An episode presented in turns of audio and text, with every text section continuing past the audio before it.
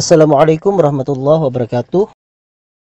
Syukur alhamdulillahirrabbilalamin. Pagi ini kita melanjutkan pertanyaan bagian kedua dari Pak Aswan mengenai mitos-mitos seputar kesehatan yang sampai saat ini masih dipercaya oleh masyarakat awam.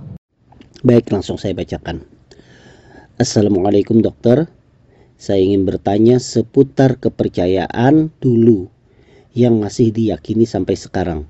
Apakah itu benar atau hanya mitos saja?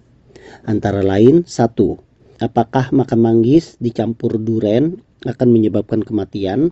Yang kedua, sering mandi malam akan menyebabkan rematika? Yang ketiga, penyedap makanan atau bahasa Banjarnya vetsin, apakah menyebabkan orang jadi bodoh? Terima kasih atas penjelasannya dok dari Pak Aswan. Baik Pak Aswan, Pertanyaan pertama yaitu apakah makan manggis dicampur dengan duren akan menyebabkan kematian? Oke, okay, baik. Uh, sampai sekarang itu belum ada laporan orang yang mengonsumsi manggis dan durian secara bersamaan itu menyebabkan kematian. Namun ada beberapa laporan efek kurang baik jika mengonsumsi manggis dan duren secara bersamaan. Antara lain ada laporan bahwa orang yang mengonsumsi duren dan manggis secara bersamaan itu dapat menyebabkan sembelit. Hal ini terkait karena proses pengembangan kotoran di usus akibat mengonsumsi kedua buah buah tersebut.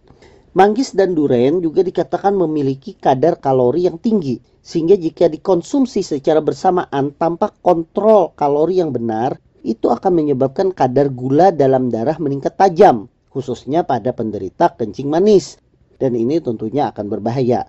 Sehingga saran saya itu tetap bijak dalam mengonsumsi kedua buah buah-buahan tersebut. Walaupun sebenarnya tidak menyebabkan kematian seperti yang dikatakan oleh orang-orang. Baik. Kemudian pertanyaan kedua, sering mandi malam apakah akan terkena rematik? Nah, pertanyaan kelima ini memang beberapa orang amat yakin bahwa mandi malam bisa menyebabkan terkena rematik atau penyakit rematik. Sebenarnya menurut saya kita tidak perlu takut untuk mandi malam. Sebab memang tidak ada hubungan antara penyakit rematik dengan mandi malam. Penyakit rematik seperti saya saya jelaskan di podcast sebelumnya itu adalah penyakit radang sendi. Nah, disebabkan karena apa? Disebabkan karena pengapuran, bisa karena penumpukan kristal urat di sendi dan penyakit autoimun yang menyebabkan sendi menjadi meradang.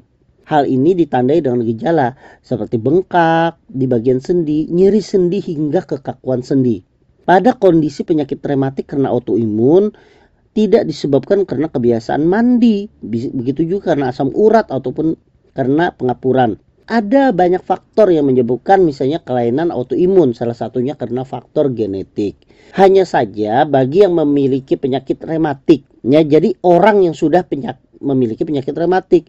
Sebaiknya mandi malam dengan air dingin itu dihindari karena bisa memicu keluhan nyeri. Ada baiknya sebaiknya kalaupun mandi malam itu menggunakan air hangat agar keluhan nyeri tersebut tidak muncul. Nah, jadi tidak ada hubungan ya antara mandi malam dengan rematik.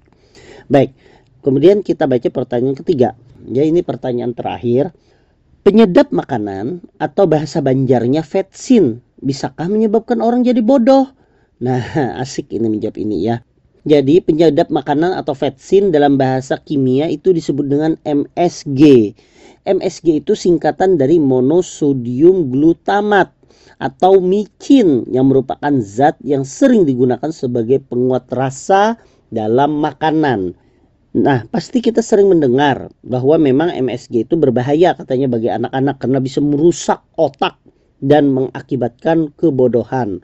Ternyata faktanya MSG itu tidak membuat seseorang menjadi bodoh berdasarkan laporan dari FDA. FDA itu singkatan dari Food and Drug Administration. Ibaratnya BPOM-nya Amerika lah. MSG itu termasuk dalam kategori GRACE generally recognized as safe. Artinya dengan kata lain dia aman untuk dikonsumsi. Saat ini memang tidak ada bukti medis yang mengatakan bahwa MSG menyebabkan anak menjadi bodoh. Jadi itu hanya mitos saja, tidak betul bahwa MSG itu menyebabkan anak menjadi bodoh. Namun yang perlu diperhatikan bahwa konsumsilah MSG dalam batas yang normal dan tidak berlebihan.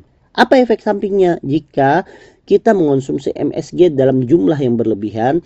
Antara lain mual, muntah, hingga sakit kepala. Karena kita ketahui bersama bahwa MSG itu tadi singkatan dari monosodium glutamat. Sodium itu adalah natrium. Dia tinggi kadar natriumnya.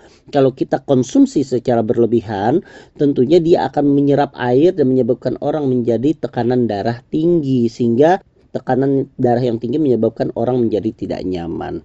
Demikian jawaban dari saya, cukup panjang saya menjelaskannya karena ada beberapa pertanyaan. Semoga ini bermanfaat bagi kita semua dan juga ini bisa menjawab penasaran dari Pak Aswan dan juga ini bisa bermanfaat bagi jemaah yang mendengarkan penjelasan dari saya. Saya tutup dengan ucapan terima kasih. Wassalamualaikum warahmatullahi wabarakatuh.